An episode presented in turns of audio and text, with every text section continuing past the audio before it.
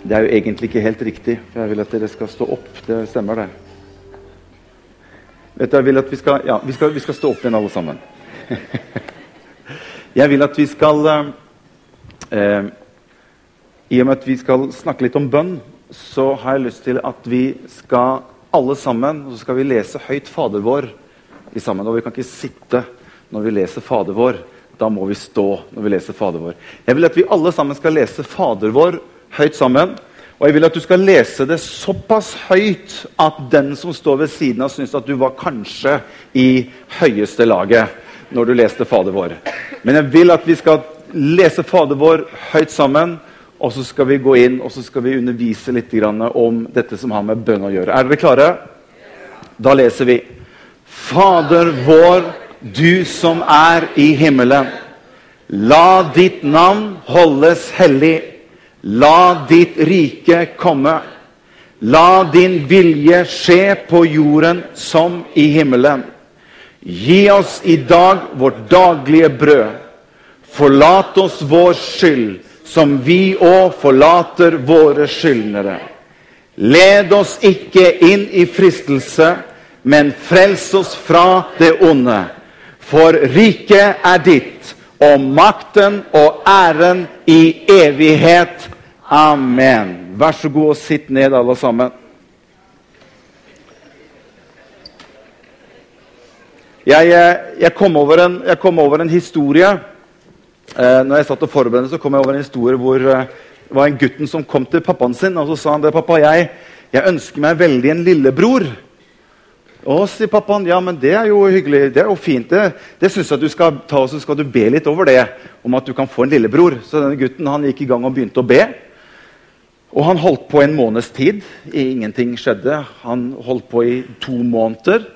Enda ikke noe resultat. Han holdt på i tre måneder, og etter tre måneder så orka han ikke mer, så han slutta å be.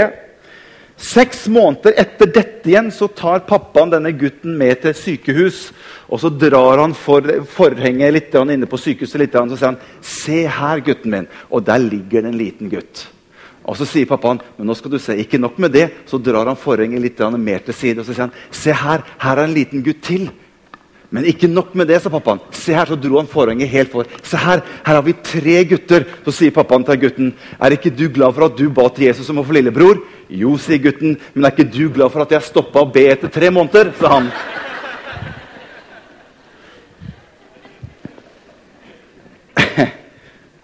eh,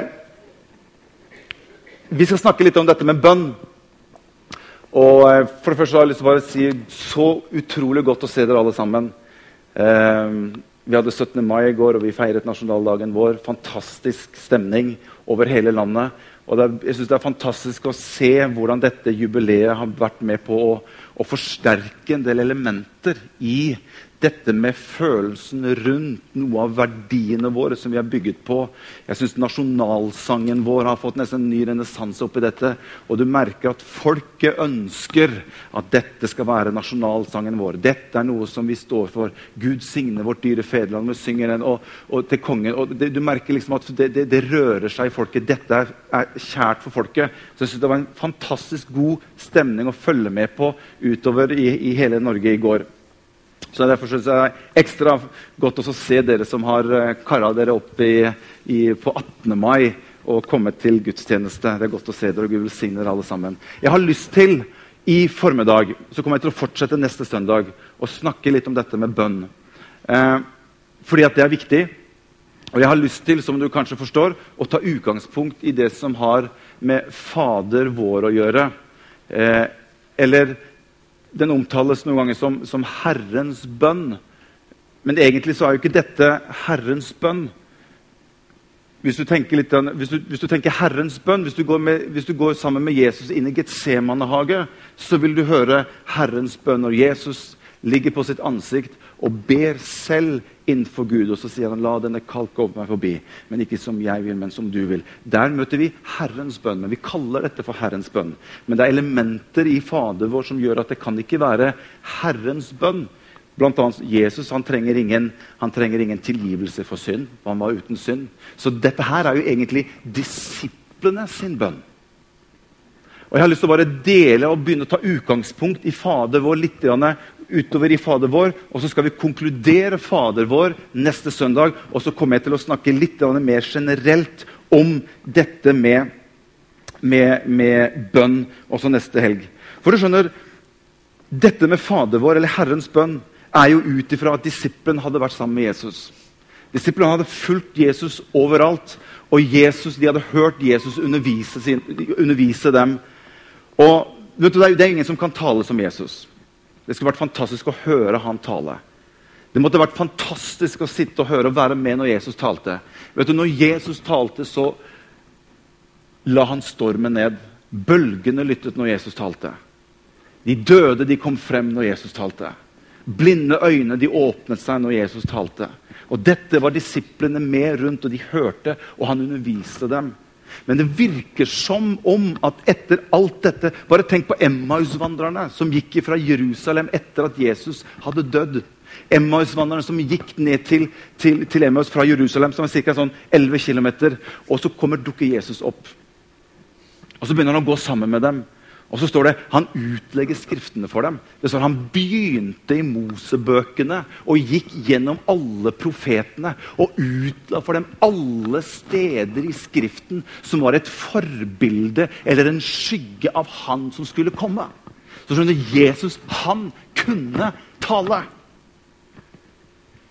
Men det virker som at det kommer til et punkt hvor disiplene er sammen med Jesus, og de får all denne informasjonen Likevel så kommer det til et punkt hvor disiplene kommer til Jesus og så sier de, men Jesus, det er flott at du underviser oss om ditt rike. Det er bra at vi får lov til å høre om endetiden. Det er bra at du forteller oss hvordan ting fungerer. Men Jesus, så sier, han, sier de, lær oss å be, sier de.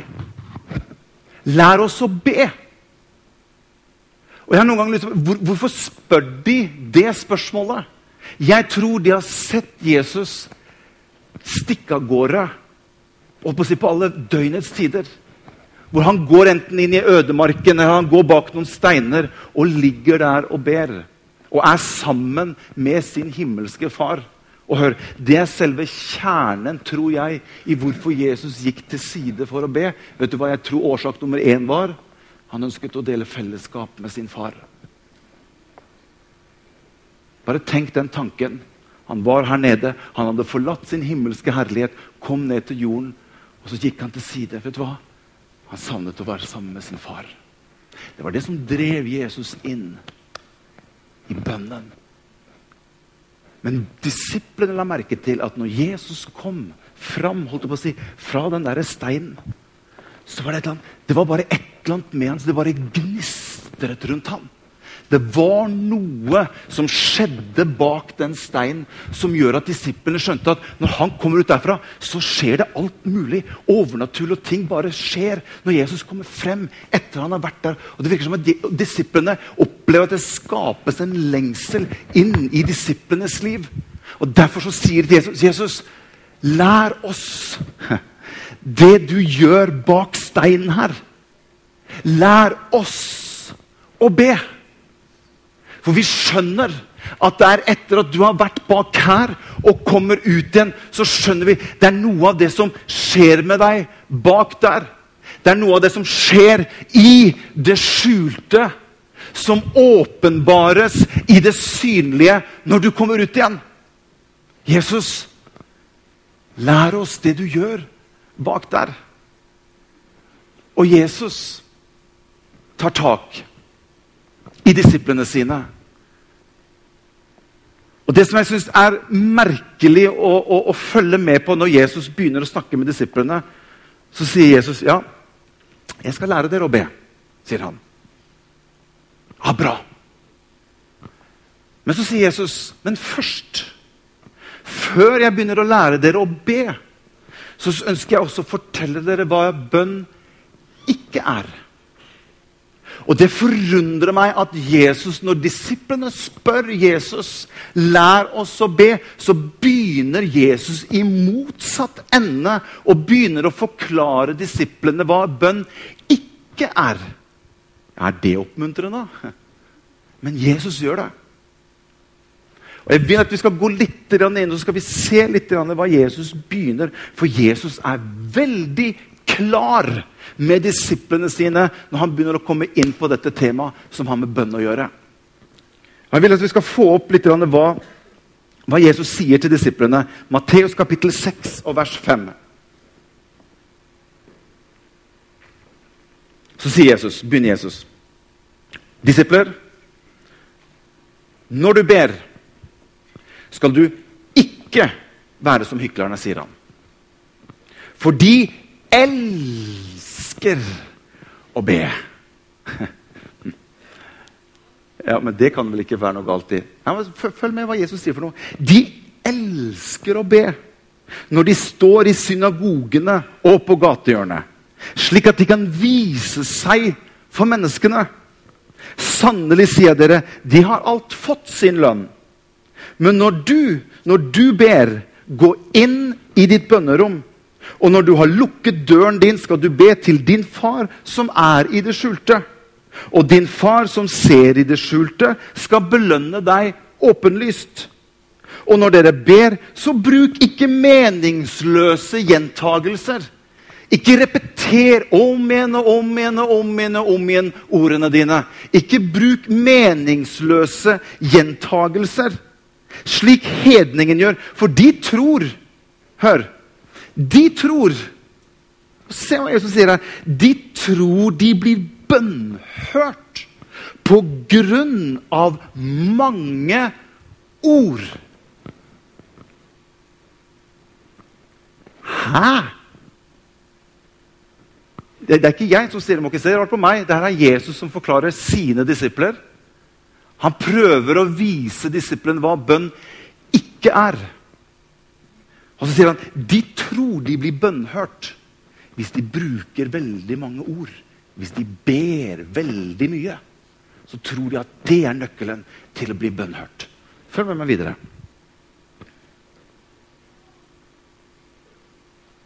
Vær derfor ikke lik dem. Så sier han, for deres far vet om alt det dere trenger, før dere ber ham. Så han sier ikke at de ikke skal be ham. Men han sier at 'min far vet hva du trenger', før du ber han om det. Jeg liker å lese litt i Message-oversettelsen, og så prøver jeg over, over, til å overføre eller eh, oversette til norsk. Og jeg har lyst til at dere skal se litt hva den oversettelsen skriver for noe. For den er veldig radikal i denne oversettelsen i Matteus kapittel 6. Se hva som står i Message. Når du kommer frem for Gud, står det, ikke la det bli en sånn teatralsk fremføring. Altfor mange gjør et nummer ut av sine bønner i håp om å stå frem som en stjerne. Tror du Gud sitter på en VIP-plass. Dette er hva jeg ønsker dere skal gjøre. Finn et rolig sted der du ikke blir fristet til å være en annen enn den du er. Prøv å være til stede på en så enkel og ærlig måte som du kan. Verden er, full, der står det message, verden er full av såkalte bønnekjemper som ignorerer selve bønnen på en måte i seg selv. De har mange formler, programmer og råd med mange teknikker for hvordan du kan få det du ønsker fra Gud. Ikke fall for slik nonsens, står det. Husk, det er din far Og det her syns jeg er så bra.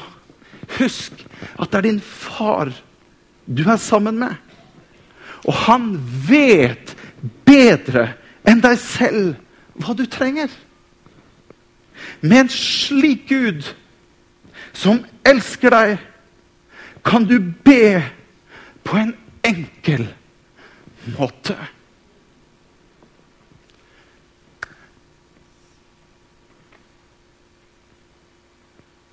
Så mange ganger som jeg føler noen ganger at bønnen vår blir en slags form for prestisje i seg selv. Et slags form for prosjekt i seg selv. Når Jesus sier til disiplene jeg skal lære dere å be, Men jeg vil at dere skal vite hva bønn ikke er. Bønn er ikke noe som du og jeg skal prøve å prestere. Og Jeg er helt sikker på når Jesus gikk bak den steinen, så sa jeg, 'Å, far, å, endelig kan jeg få lov til å være litt sammen med deg.' Ja, det har vært en, en litt tøff dag i dag òg. Så kunne han få lov til å være seg selv sammen med faren sin. Og jeg tror det er noe av dette som jeg tror Jesus ønsker før han går inn og underviser dem. At det er dette dere må ha som utgangspunkt inn i bønnelivet deres. At det er et fellesskap mellom deg og Jesus. Og i det fellesskapet trenger ikke du og jeg å prøve å være noen annen enn det vi er. Han kjenner deg best. Han har skapt deg. Han vet akkurat hva du trenger til. Og det å komme inn for han og si ja, nå skal du høre Jesus, nå, du, du nå, vært, nå var det vanskelig, og nå må du høre du, La oss bare dele litt fellesskap. La oss være litt sammen, du og jeg. Og jeg tror det er en stor nøkkel inn i det som har med bønn å gjøre. Og så begynner Jesus å be. Det som er merkelig å se, det er at når Jesus snakker til disiplene, så sier han når du ber, så sier han i entall Gå du inn i ditt lønnkammer eller i ditt bønnerom i entall. Men han begynner å forklare, og så sier han men slik skal dere be. sier han. Og så begynner Jesus å undervise Herrens bønn eller Fader vår. Og så begynner, så skal vi gå inn i denne bønnen. og Vi skal gå ca. halvveis, og så skal jeg bare konkludere den neste søndag. Og så skal vi se litt om hva bønn er for noe. Så Du kan få opp første punktet som han begynner å lære disiplene sine. Punkt nummer én. Og Det her er kalt for person. Så sier Jesus slik skal dere be. Fader vår. Eller vår far, som det står. Det er litt forskjellig over hvilken oversettelse det står. I 1930-oversettelsen står det jo 'Fader vår'. I 1978-oversettelsen så står det 'Vår far, du som er i himmelen'. Jesus begynner og sier han 'Vår far', skal du si. Plutselig så snur Jesus og lar det bli flertall. Han, han, han, han, gjør at det rommer ikke bare deg, for han sier ikke 'min far'. Men han sier du skal si 'vår far'. Men han hadde nettopp sagt tidligere at når du går inn, så skal du be til din far, som er i det skjulte. Og han som ser deg i det skjulte, han skal lønne deg i det åpenbare. Men når du ber, så skal du også være med å inkludere. Så han, han, han vektlegger begge deler av det å være alene og be alene. Og han også vektlegger det at når vi ber, så skal vi tenke på at han er større enn bare meg. Og så begynner han å si 'Vår Far'. Jeg synes Det er fascinerende når Jesus bare begynner med ordet 'far'. Han legger ikke noe navn, enda så mange navn som Gud er betegnet med opp igjennom hele Det gamle testamentet. Som Jehova Rafa, kunne han jo sagt. Eller Jehova Shalom, eller Jehova Adonai, eller Jehova Elohim, eller Jehova Jire, eller hva som helst. For Gud har så mange mange navn som han begynte å dele med. Man sier når dere ber, så skal du si 'vår far. Et ord som alle mennesker kan relatere til. Og ikke bare nok med det. Det vil jo si at når jeg går inn for Gud og begynner å kalle han for far, så identifiserer det hvem han er.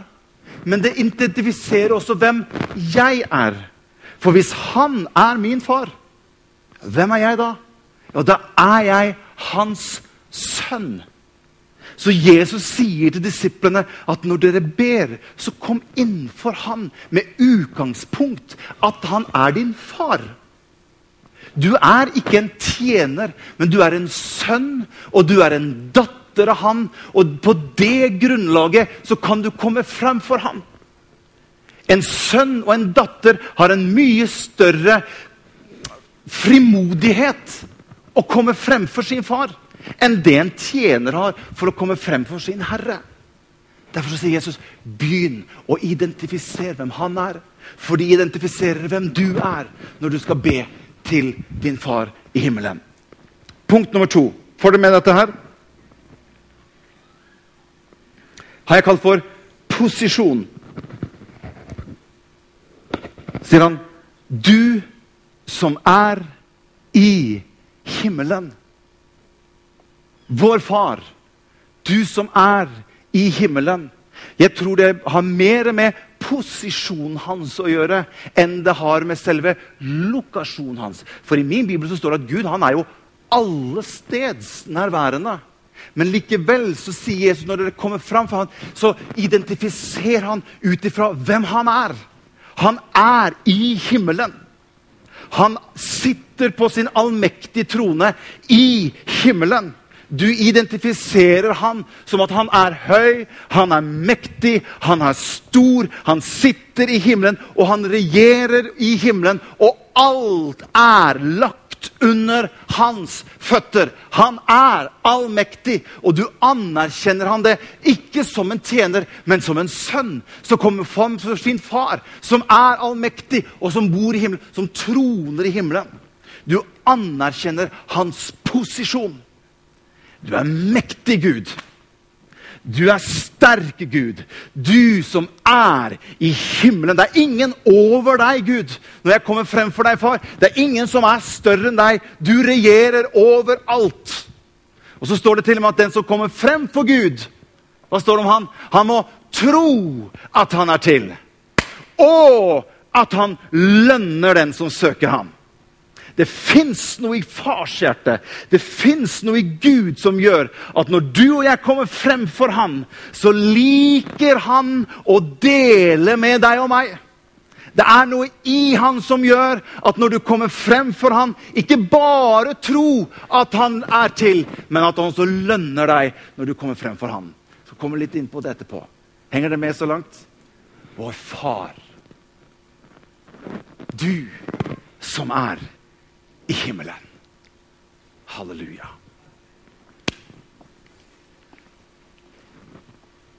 Punkt nummer tre. Lovprisning. La ditt navn holdes hellig. I den gamle oversettelsen sa vi 'helliget vorde ditt navn'. Det er jo litt mer schwung over, da, syns jeg. da, men helliget vorde ditt navn. La ditt navn holdes hellig. Og jeg har kalt det punktet for lovprisning. For hør Måten å komme inn i Guds nærhet går gjennom lovprisning måten å komme inn Se hvordan han begynner alt sammen. Det har ikke kommet en eneste klage fra disiplene enda.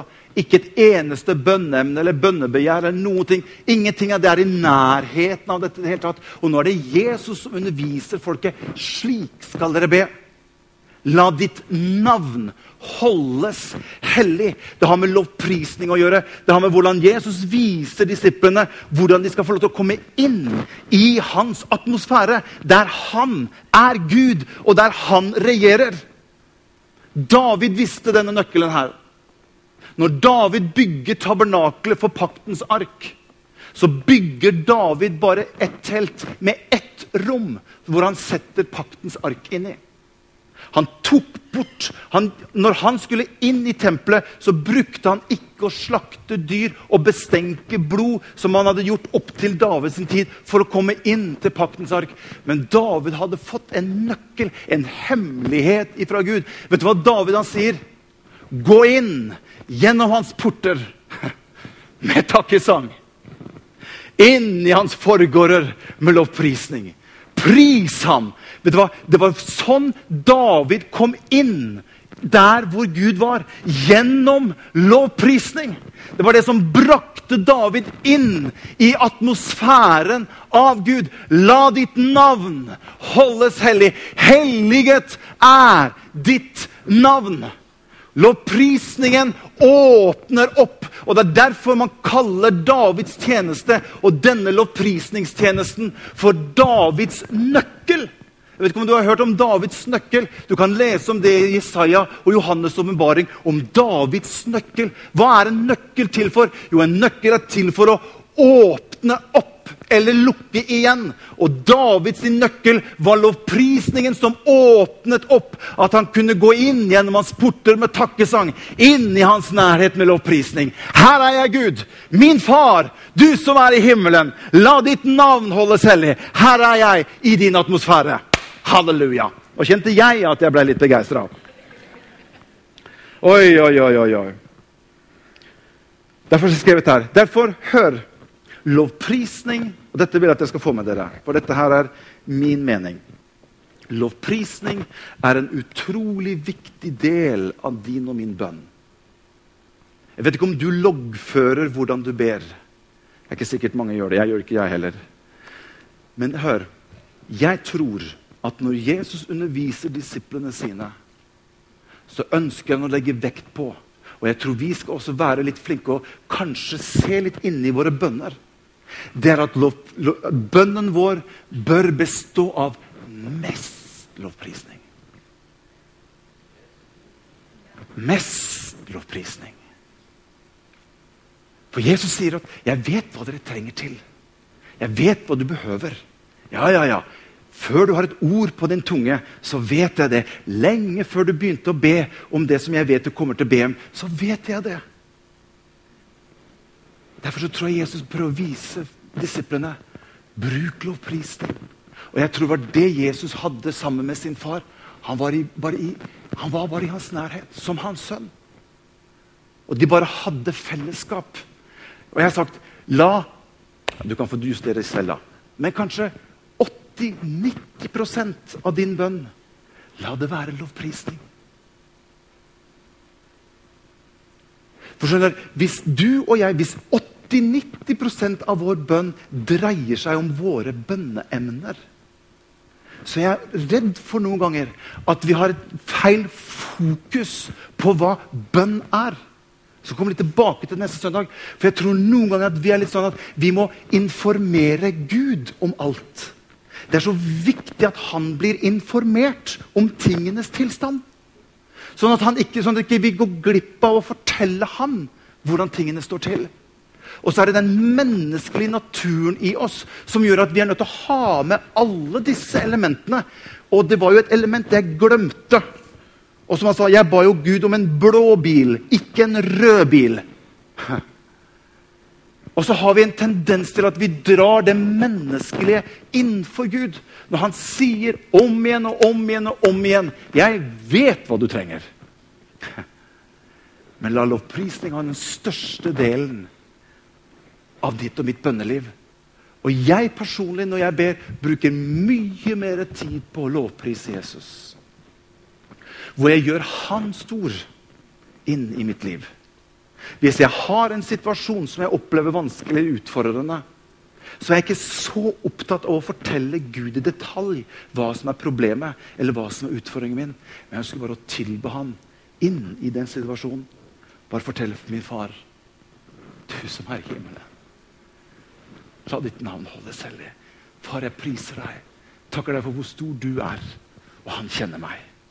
Og så la jeg hans storhet få lov til å bli det som opptar meg, og min oppmerksomhet. Og så virker han bare på min situasjon. Bare ved at jeg forteller han hvor stor han er. Amen. Ditt navn holdes hellig. Ditt navn holdes hellig. Hvilket navn? Jeg satt og liksom tenkte på disse tingene, så tenkte jeg Ditt navn. Ja, hvilket navn er det vi snakker om? Du vet at Opp gjennom Gammeltestamentet så var det veldig mange som ønsket å få tak på hans navn. Hans navn var så hellig i Det gamle testamentet at de ville ikke uttale det såpass. Moses spør i den brennende busken sier han, 'Hvem skal jeg si sendte meg?' Så sier Gud, 'Du får ikke navnet mitt, men bare si at 'jeg er' har sendt deg. Ok? Og opp igjennom som åpenbarer Gud flere og flere sider av seg selv med forskjellige navn opp igjennom. Ditt navn holdes hellig. Helt opp til da denne jenta som het Maria, skulle føde en sønn. Så sier han og du skal gi ham navnet Jesus.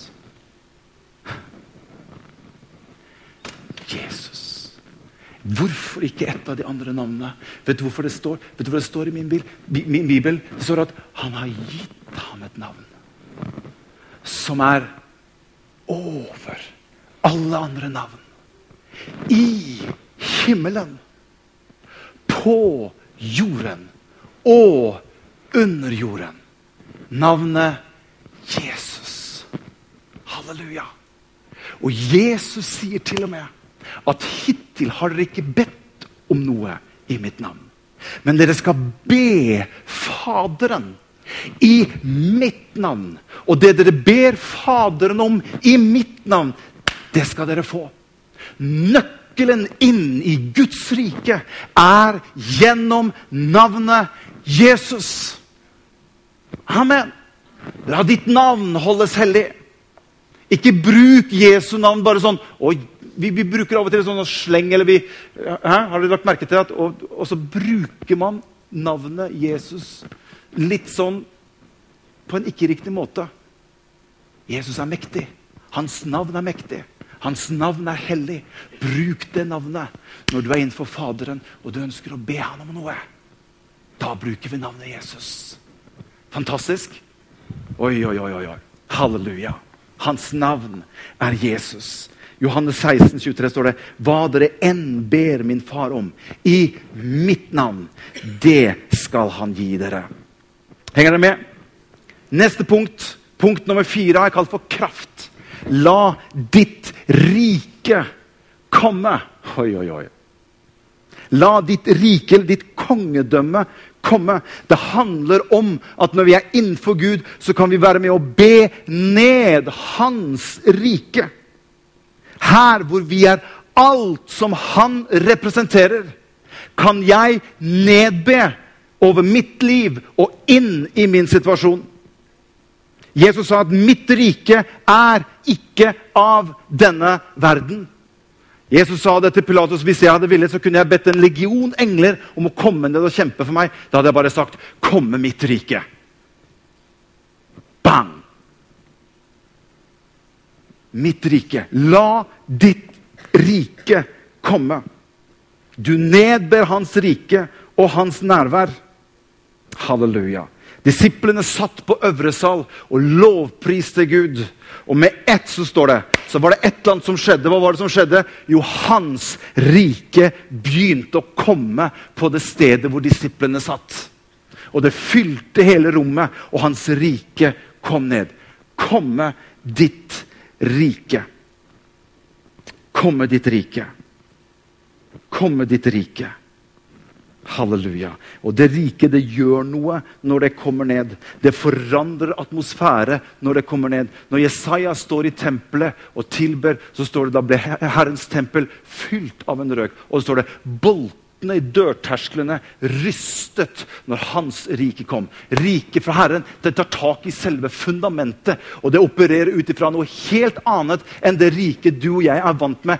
Hans rike er noe helt annet enn det vi opererer. Og du og jeg kan få lov til å være med og be ned hans rike. La ditt rike komme. Ditt rike komme. Kom. Fantastisk. Punkt nummer fem. Jeg er snart ferdig. To punkter igjen. Hensikt har jeg kalt neste punkt. La din vilje skje. Nå kommer vi litt lenger inn i det som har med bønnen til Jesus. Henger det med så langt? La din vilje skje. Jeg vil ikke noe annet enn Guds vilje. Er det ikke der oppe, så vil ikke jeg ha det her nede. For det står 'la din vilje skje' på jorden som i himmelen. Er det ikke der, vil ikke jeg ha det her. Det har noe med hans vilje å gjøre. Du vet at Det er et ord, annet ord enn vilje du kan bruke, og det er ordet testamentet. For Vi har av og til gjort det slik at 'la din vilje skje', og så har vi snudd litt på det. Og Så sier vi at ja, men det er jo ikke sikkert at det er din vilje. Så vi istedenfor at vi liksom er litt sånn frimodige bønn, så ber vi heller bare ja, la din vilje skje, Gud. Det er ikke sikkert, men vi, vi enten håper eller tror at det skal være din vilje. Da har vi misforstått når Jesus sier dere skal be 'la din vilje skje'. Hva er Guds vilje? Dette er Guds vilje. I denne boken her så fins det to testamenter. Et gammelt testament og et nytt testament. Det er hans vilje. Det gamle testamentet ble byttet ut med et nytt testamente. Og det er i henhold til testamentet jeg har tilgang på det som er mitt. For jeg kommer frem for min far. Jeg er hans sønn. Og jeg er arving i henhold til hva som jeg har tilgang på, i henhold fordi han er faren min. Og jeg har fått et testamente. Jeg har lest hva jeg har krav på i henhold til testamentet. Og det er i forhold til det testamentet jeg kan få lov til å forvente at han svarer på hva jeg ber om. Og i dette testamentet så fins det legedom. I dette testamentet så fins det utfrielse. I dette testamentet så kan jeg lese om glede, jeg kan lese om fred. Og det er hans vilje. Det er hans testamente til meg. La din vilje skje. Og du og jeg kan be i henhold til hans vilje. Nå preker jeg bedre enn dere responderer. Oi, oi, oi. Alt skjer i henhold til testamentet. Det her, jeg, det her, er, det her er Det er ditt, har jeg skrevet her. Og når, når det står til meg, Hvordan kunne jeg annet enn å gi deg alle ting med ham. For så mange som Guds løfter er, i Jesus har de fått sitt ja og sitt amen.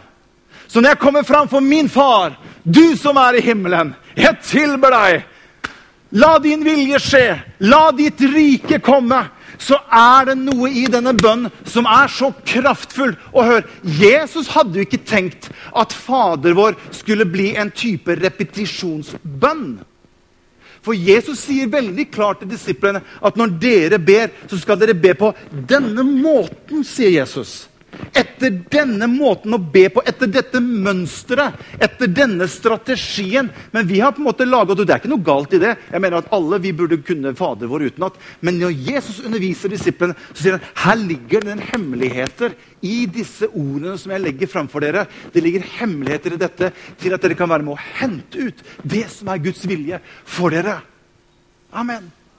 Og til slutt, siste punktet, har jeg kalt for provisjon.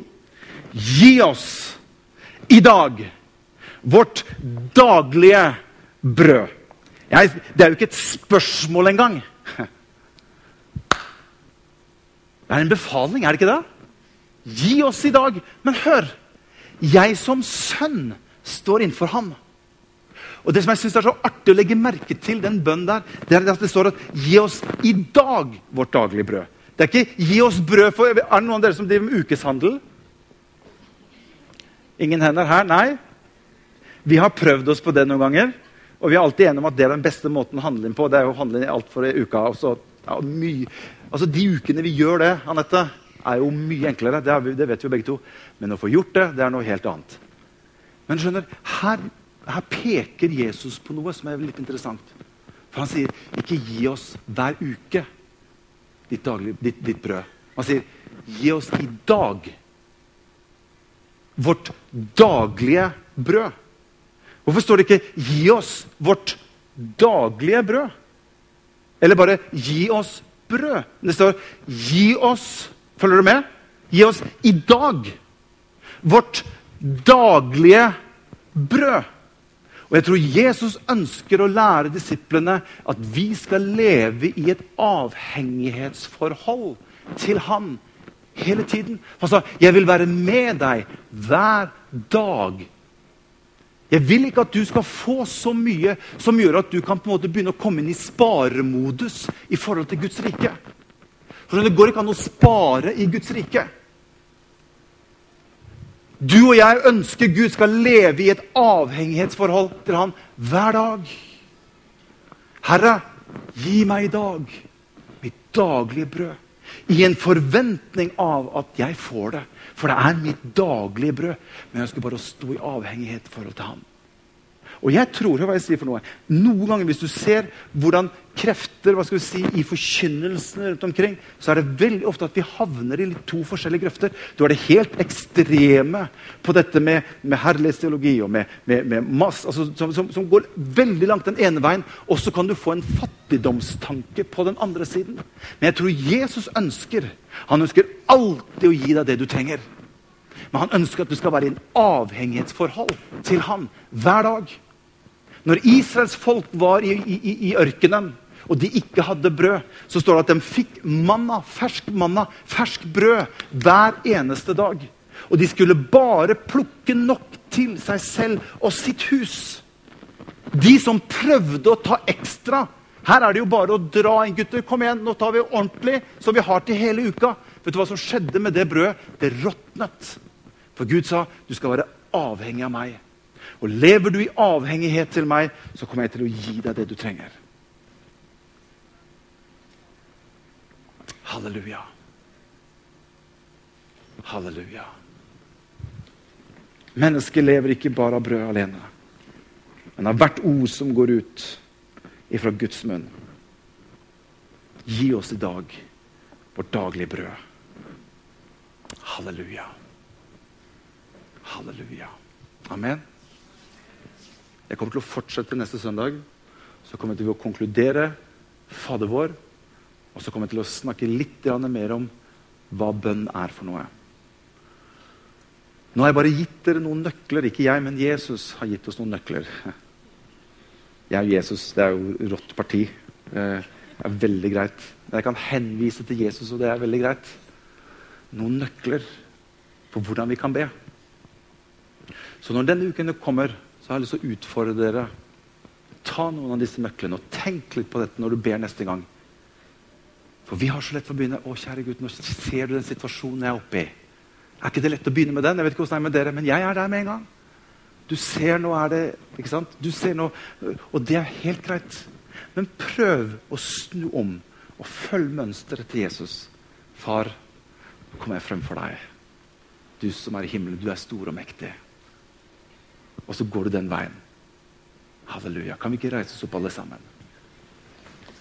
Takk for at dere tok dere tid til å lytte til Guds ord.